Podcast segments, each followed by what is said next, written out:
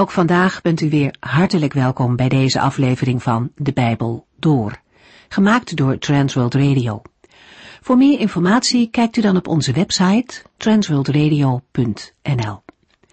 In deze serie gaat u in vijf jaar tijd met ons de Bijbel door, van Genesis 1 tot en met het laatste vers in Openbaring 22. In onze vorige keer begonnen we aan de vijfde en laatste bundel binnen het Bijbelboek, de Psalmen. Dit deel begint met liederen vol blijdschap over de redding van de Heere God. Na de roep om bevrijding, waar deel 4 mee eindigde, gaat Psalm 107 in op die bevrijding. Het lied vertelt over de terugkeer van het volk naar het eigen land. Het koningschap van Davids familie leek verdwenen tijdens de ballingschap, maar in de psalmen die nog komen zullen we zien dat de beloften van de Heerde niet verloren zijn gegaan. Er is hoop en uitzicht voor het huis van David. In dit deel van de psalmen vinden we ook liederen die gebruikt werden tijdens de grote feesten van Israël. Er is een serie pelgrimsliederen en heel bekend is natuurlijk psalm 119, de langste uit de Bijbel. Het is een grote wijsheidspsalm, die de liefde voor de Torah van de Heere bezingt. Het boek eindigt met vreugdevolle liederen over Davids koningschap en gaat langzamerhand over naar het slot, waarin alleen nog plaats is voor lofprijs aan de koning van de koningen. In de laatste vijf psalmen die het hele boek afsluiten, gaat het alleen om de eer van God. Psalm 107 is een gemeenschappelijk danklied voor de bevrijding uit verschillende moeilijke en benauwde situaties. Er zit een diepere betekenis achter de terugkeer naar het eigen land. Daarmee bedoelt de schrijver ook de terugkeer naar de Heere God. En daar gaat het ten diepste om. Hij laat zien wat de gevolgen zijn. Er komt weer ruimte om de Heere van harte lof te zingen. Er komt rust en vrede in de harten van de mensen. En hij roept de mensen op om anderen te vertellen over het goede dat de Heere in hun leven heeft gedaan. En tot slot spoort de dichter aan om de lessen uit moeilijke situaties niet te vergeten. Wie wijs is, ziet de goedheid en de zegeningen van de Heere niet over het hoofd. We lezen vandaag Psalm 110 tot en met 113. Psalm 110 hoort tot de moeilijkste liederen in het psalmboek. Dat komt door de compacte schrijfwijze, het woordgebruik, de ongebruikte voorstellingen, de afwijkende oude vertalingen en de relatie met het Nieuwe Testament. Op grond van de naam van David in het opschrift kunnen we de psalm in de regeringstijd van David dateren. Vanwege de vermelding van Sion en Melchizedek ligt het ontstaan van het lied in de periode na de verovering van Jeruzalem. De psalm bevat twee profetische uitspraken. Vers 1 over het zitten ter rechterzijde en vers 4 over het priesterschap.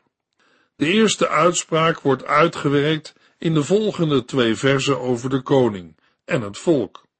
De tweede uitspraak wordt gevolgd door de vermelding van de overwinning over koningen, volken en de overwinnaar. Hieruit blijkt een zekere parallelie in de opbouw. Vanwege de afzonderlijke vermelding van het priesterschap in vers 4, dat niet wordt uitgewerkt, nemen wij dit vers in de behandeling apart. In het Nieuwe Testament wordt deze psalm aangehaald met het oog op Jezus Christus. Dat roept de vraag op of deze psalm direct messiaans is of indirect, waarbij het lied in eerste instantie betrekking heeft op een koning in Israël. Met name vers 4 over het priesterschap is moeilijk in te passen in het bestaande beeld van een toenmalige koning. Toch zijn er ook overwegingen die ervoor pleiten de psalm in eerste instantie in de tijd van David te plaatsen. Net als bij de andere psalmen is het belangrijk na te gaan wat de betekenis van het lied was in de tijd van de Israëlieten. Ook de verwantschap in formulering met de aanspraak van koningen in Egypte en Assyrië pleit voor de opvatting de inhoud in verband te brengen met het koningschap in Israël. Ten slotte is het ook van belang dat de psalm vooral spreekt over een gewelddadige strijd en de overwinning op de vijanden. Terwijl in het Nieuwe Testament de nadruk ligt op de erepositie, het priesterschap en de betekenis voor de gemeente op aarde. Op grond van deze overwegingen gaan we in de uitleg in eerste instantie uit van het koningschap van David, maar daarbij blijkt ook dat in deze dynastie dit profetische woord niet volledig tot vervulling is gekomen. Door de plaats in het Bijbelboek Psalmen, in een tijd dat het koningshuis van David niet meer mocht regeren, is het duidelijk dat er uitgezien werd naar een toekomstige heerser, die de inhoud van deze psalm zou realiseren, Jezus, de Messias. Psalm 110, vers 1 tot en met 3. Een psalm van David. Dit sprak de Heere tot mijn Heer, kom naast mij zitten aan mijn rechterhand, totdat ik uw vijanden aan u onderworpen heb. De Heere laat u machtig heersen vanuit Sion. U bent de overwinnaar over al uw tegenstanders. Uw volk volgt u graag als u het oproept voor de strijd. Al heel vroeg in de morgen verschijnen de sterke jonge mannen in prachtige kleding. Het opschrift noemt het lied een psalm en verbindt het met David, wat door het Nieuwe Testament wordt bevestigd. Psalm 110 begint met een godspraak, een plechtige profetische verklaring, gericht tot mijn Heer. Wie is daarmee bedoeld? De aanspraak mijn Heer is gebruikelijk ten opzichte van een hoger geplaatst persoon. In de context lijkt het aannemelijk dat een profeet een woord van de Heere overbrengt aan David, zoals Nathan in 2 Samuel 7. Daarbij blijft het mogelijk dat de psalm van David zelf afkomstig is, door hem gemaakt na de gebeurtenis. Het is onduidelijk wanneer de profetie uitgesproken is. Vanwege de relatie met Egyptische en Assyrische troonsbestijgingen van koningen is wel gedacht aan een troonsbestijging. Maar omdat David al koning werd over Juda en heel Israël voordat Jeruzalem werd veroverd en voordat Sion een centrale betekenis kreeg, kan dat in dit geval niet zijn bedoeld. Het is mogelijk het werkwoord zitten als uitoefening van heerschappij op te vatten. De koning zit terwijl God handelt. De koning van Israël zit op Gods troon op aarde, als representant van de onzichtbare koning in de hemel. Het zitten aan de rechterhand is een teken van eer. In dit geval ook een teken van waardigheid en heerschappij. De heerschappij duurt steeds voort, ongeacht de mate waarin de vijanden onderworpen zijn. In Gods verbond met David komt de belofte voor dat de vijanden worden onderworpen. En dat staat ook in Psalm 72 als belofte voor Salomo. Overigens betekent deze onderwerping van vijanden nog niet de vernietiging van het kwaad. Na de godspraak volgt een uitwerking van deze heerschappij. Met vooropplaatsing wordt de macht genoemd. De Heere strekt de macht en het gezag van de koning uit met Sion als centrum. In de opdracht en de belofte klinkt het dat de koning zal heersen te midden van zijn vijanden. Gods activiteit maakt de koning niet passief, maar laat hem overwinnen. Ook wordt er een leger ingeschakeld. Uw volk volgt u graag. Dat wil zeggen, het is bereid om ten strijde te trekken als daarvoor de tijd aanbreekt. Psalm 110, vers 4. De Heere heeft een eed afgelegd, waarvan hij nimmer spijt krijgt. U bent de eeuwige priester, zoals ook Melchizedek mijn priester was. Na de godspraak in vers 1 volgt nu een nieuwe profetische uitspraak.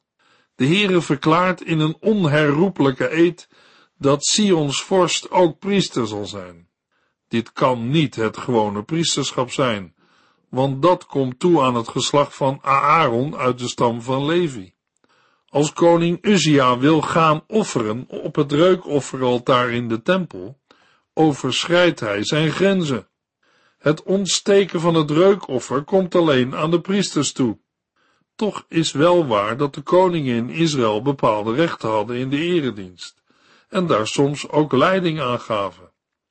Als we het priesterschap dat hier genoemd wordt betrekking laten hebben op een Israëlitische koning, kan niet meer dan die beperkte bevoegdheid in combinatie met het koningschap zijn bedoeld.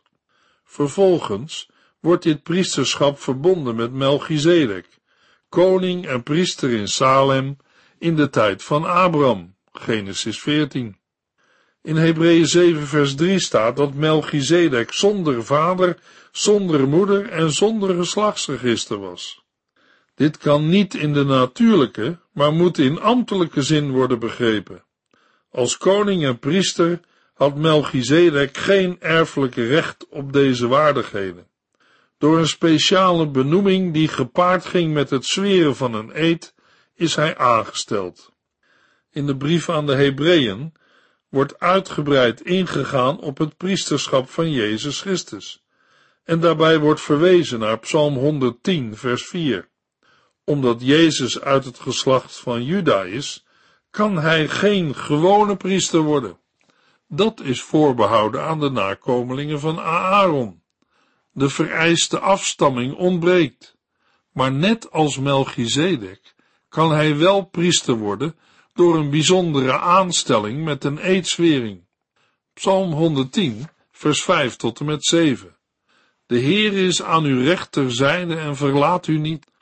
Op de dag van zijn toorn vernietigt hij de koningen van deze aarde. Hij spreekt het vonnis over de ongelovigen uit, en de lijken stapelen zich op. Hij vernietigt hen, waar ze ook zijn. Onderweg lest hij zijn dorst bij een beek, en hij draagt het hoofd vier opgeheven. Psalm 110 werkt het priesterschap niet uit, maar gaat verder met militaire overwinningen, in het verlengde van de eerdere verse. Hier blijkt dat de koning actief betrokken is in de strijd. Terwijl in vers 1 de koning zitting mocht nemen aan Gods rechterhand, verspringt hier het beeld. De Heere is aan de rechterhand van de koning, als een teken van zijn hulp en nabijheid. Meer dan in het leven van andere koningen zijn deze overwinningen werkelijkheid geworden in het leven van David. Koningen van de vijandige volken zijn machteloos en worden verpletterd op de dag van de toorn. De strijder, waarmee nog steeds de Heer is bedoeld, ook al maakt hij gebruik van de koning van Sion, verslaat de vijanden en hoopt hun lijken op. Bij dit laatste moeten we de profetie uit Ezekiel 32 betrekken, waarin wordt gesproken over het lot van de vijanden van Israël. In deze woorden komt de eschatologische hoop van Israël naar voren. Eens zal er recht gesproken worden en zal Gods regering over de hele aarde blijken. De Heer is de eigenaar van de aarde en alle volken. En daarbij de koning in Sion is zijn vertegenwoordiger. De overwinnaar dringt onderweg uit de beek. Veel uitleggers willen vers 7 om inhoudelijke redenen betrekken op de koning. Maar in het verband gaat het nog steeds over God. De strijder heeft het gevecht gestreden en de overwinning behaald. Moe van de strijd drinkt hij het verfrissende water. De vijand kan dat niet verhinderen. Daarna heft hij triomferend het hoofd omhoog als teken van de overwinning. In Psalm 110 komt naar voren dat de Heer een speciale relatie heeft met de koning in Sion. Hij schenkt aan de koning een erepositie en gebruikt hem om zijn volk te beschermen en de vijanden te vernietigen. De koning ontvangt ook priestelijke voorrechten op een wijze die Melchizedek had. Israël heeft steeds het diepe besef gehad dat de Heere de God van de hele aarde is en dat Hij het waard is overal gediend te worden. Uiteindelijk zal met alle tegenstand worden afgerekend. Hoe gewelddadig dit ook op ons overkomt, het gaat uiteindelijk om Gods recht op aarde. Daarom is er geen tegenstelling tussen koningschap en priesterschap. In Jesaja 42 vers 4 lezen we over de taak van de Messias, de dienaar van de Heere. Hij zal niet rusten, voordat waarheid en rechtvaardigheid overal op aarde heersen, en verre overzeese volken hun vertrouwen op hem hebben gesteld. In de tijd van David waren er talrijke overwinningen, maar zelfs in zijn tijd zijn niet alle perspectieven van Psalm 110 vervuld. Er wordt een koning getekend die al het gewone verre te boven gaat en een bijzondere wereldhistorische en wereldomvattende plaats inneemt in Gods heilsplan. Het werd in de loop van de geschiedenis steeds minder aannemelijk dat een aardse koning uit het geslacht van David deze vergezichten zou verwezenlijken. Des te meer reden was er om uit te zien naar de grote zoon van David, op wie deze psalm wel geheel van toepassing is. Er is geen enkele psalm die zoveel in het Nieuwe Testament geciteerd wordt als Psalm 110. Het eerste vers over het zitten aan de rechterhand wordt aangehaald in Matthäus, Marcus en Lucas. Psalm 110 vers 1 wordt verder in het Nieuwe Testament aangehaald om de erepositie van Jezus aan Gods rechterhand aan te geven. Vanuit zijn positie aan de rechterhand van God schenkt Jezus de Heilige Geest, bekering en vergeving van zonden. En is hij met zijn gemeente op aarde. De positie aan de rechterhand van God houdt een hogere plaats in dan de engelen hebben. Dit betekent ook dat Jezus Christus Heer is over alle aardse en geestelijke machten, ook de vijandige engelenmachten en de Satan. In 1 Corinthians 15 staat dat Christus als koning moet heersen, totdat de Vader al zijn vijanden onder zijn voeten heeft gelegd. Zelfs de laatste vijand, de dood, wordt overwonnen. In het Nieuwe Testament ligt meer de nadruk op de heilbrengende positie van Christus dan op zijn gewelddadige afrekening met de vijanden. We gaan verder met Psalm 111. Psalm 111 is een lofprijzing op de werken van de Heere. In de psalm zijn de exodus, de verbondsluiting en de wetgeving verwerkt. Dit keer niet zozeer historisch, zoals in Psalm 105 en 106, maar als illustratie van Gods macht en majesteit. Uit de openbaring van Gods macht en majesteit trekt de dichter de conclusie dat het ontzag hebben voor de Heere het beginsel is van de echte wijsheid. Dat is vergelijkbaar met het slot van Psalm 107. De psalm heeft daarom ook een opvoedend karakter. Psalm 111 lijkt op grond van vers 1 een persoonlijke lofprijzing te zijn te midden van gelovigen en in de samenkomsten. Maar de lofprijzing heeft geen betrekking op persoonlijke ervaringen, maar op Gods bemoeienis met het hele volk Israël. Aan het eind van de psalm klinkt de aansporing om ontzag te hebben voor de Heere en zijn geboden na te leven. Psalm 111 heeft de poëtische vorm van een acrostigon. Dat wil zeggen dat de eerste letters van de zinnen het Hebreeuwse alfabet vormen. Op inhoudelijke gronden kunnen we de volgende indeling herkennen. In de versen 1 tot en met 3 lezen we een inleidende lofprijzing. Dan, in de versen 4 tot en met 6, Gods verbondsdaden in de geschiedenis. Daarna, in de versen 7 tot en met 9, Gods verbondsverordeningen en tot slot, vers 10, een aansporing tot wijsheid. Psalm 111 begint en eindigt met de eer van de Heere. De daden van de Heere vormen de rode draad van de psalm. De verbondsnaam van de Heere komt vier keer voor. Psalm 111, vers 1 tot en met 3. Prijs de Heere. Met mijn hele hart prijs ik de Heere, te midden van de gelovigen en in de samenkomsten. Alles wat de Heere heeft gemaakt, is geweldig groot, en wie hem liefhebben, zullen daar voortdurend over nadenken.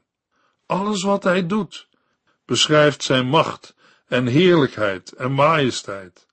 Hij blijft tot in eeuwigheid de rechtvaardige. De psalm begint met Halleluja, dat betekent prijs de Heere. De dichter wil de Heere met zijn hele hart loven en dat te midden van de gelovigen. De basis voor deze lofprijzing wordt gevormd door de grote daden van de Heere. Daarmee wordt meestal verwezen naar Gods grote daden in de schepping en de geschiedenis. Daarbij moeten we vooral denken aan Gods daden met betrekking tot de geschiedenis van Israël. Deze worden groot genoemd, omdat ze zijn goddelijke macht illustreren. Ze worden overdacht door allen die er vreugde in vinden. Macht, heerlijkheid en majesteit zijn koninklijke eigenschappen. Bovendien houdt Gods rechtvaardigheid, waardoor zijn daden gekenmerkt worden, voor altijd stand. Deze rechtvaardige daden in het verleden bieden zekerheid voor de toekomst, aangezien de Heere onveranderd blijft. Psalm 111, vers 4 tot en met 6. Hij wil ook dat wij altijd zijn wonderen in herinnering houden. De Heer is vol genade en liefdevol meeleven. Wie ontzag voor hem hebben, ontvangen voedsel van hem. Nooit zal hij zijn verbond vergeten. Hij toonde zijn volk zijn kracht en grote daden, door hun het hele land te geven dat voorheen aan de heidenen toebehoorde. De dichter kijkt terug op het verleden. De Heere heeft ervoor gezorgd dat zijn wonderdaden worden herinnerd. Hierbij kunnen we denken aan het Pascha. De zin kan ook zo gelezen worden dat de Heere door zijn wonderdaden naam heeft gemaakt en zo een herinnering aan zichzelf heeft gecreëerd. Degene die de Heere vrezen, ontzag en liefde voor hem hebben, heeft hij voedsel gegeven. Al snel gaan de gedachten dan uit naar de zorg van de Heere in de woestijn met manna en kwakkels. Maar niet alle Israëlieten hadden ontzag voor de Heere. Denk aan het mopperen en de ongehoorzaamheid in de woestijn. De kracht van Gods daden bleek ook bij de intocht onder Jozua uit de verdrijving van de Kanaanieten. Hun bezittingen vielen toen in handen van het Joodse volk. Zo heeft de Heere zijn belofte aan Abraham vervuld. In de versen 7 tot en met 9 gaat het om de morele inhoud van de daden van God. Al Gods werken zijn waarheid en rechtvaardigheid.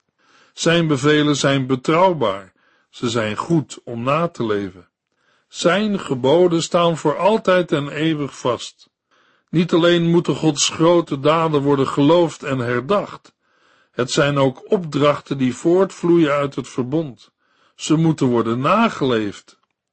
Psalm 111, vers 10. Het diepe ontzag voor de Heer is de eerste voorwaarde om ware wijsheid te verkrijgen. Ieder die ontzag voor de Heer heeft, krijgt van hem verstand en inzicht. De eer van de Heere wordt voor eeuwig hoog gehouden. Het einde van de psalm sluit met deze woorden weer aan bij het begin. De boodschap van psalm 111 kan worden samengevat met vrees God en houd zijn geboden. We gaan verder met psalm 112. Psalm 112 vers 1 tot en met 4. Prijs de Heere. Gelukkig is ieder die ontzag heeft voor de Heere en van harte bereid is zijn geboden na te volgen. Zijn nageslacht zal op aarde machtig worden. Alle oprechte mensen worden gezegend. De Heere voorziet hen van alles wat ze nodig hebben en rijkdom wordt hun deel. Zijn rechtvaardigheid houdt eeuwig stand. God laat zijn licht schijnen voor de gelovigen, ondanks de duisternis waarin zij soms leven. Hij geeft hun genade en recht en ook zijn liefdevolle meeleven. Psalm 112 is een vervolg op de vorige psalm en roept op om van harte Gods geboden na te volgen. De boodschap van Psalm 112 is dat de man die de Heere vreest gezegend zal worden en dat hij tot zegen van zijn medemensen zal zijn. Praktisch gezien is dat wel ingewikkeld, aangezien vaak het tegendeel het geval lijkt te zijn.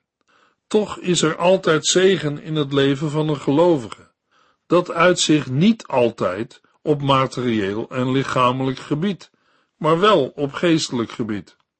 Psalm 112 zegt dat de gelovigen uiteindelijk eer zullen ontvangen, maar dat de wens van de ongelovigen zal vergaan. Bezit en rijkdom als zegeningen kunnen we niet zomaar overzetten naar deze tijd.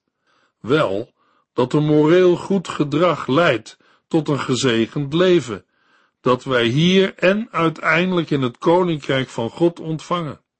Jezus zegt in Lucas 6 dat een goede boom is te herkennen aan zijn vruchten.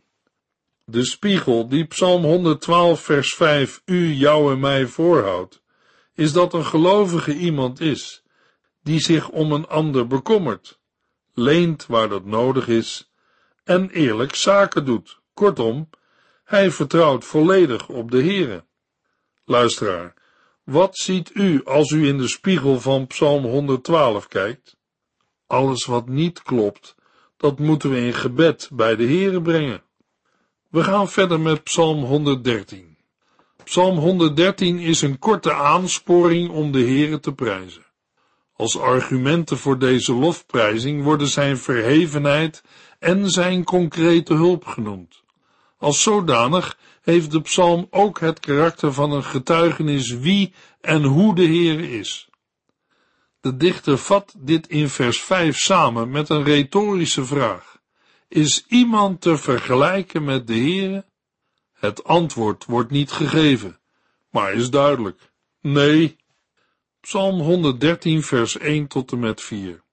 Prijs de Heere, dienaars van de Heere, loof en prijs zijn naam. Laat de naam van de Heere worden geprezen en geëerd, nu en tot in eeuwigheid.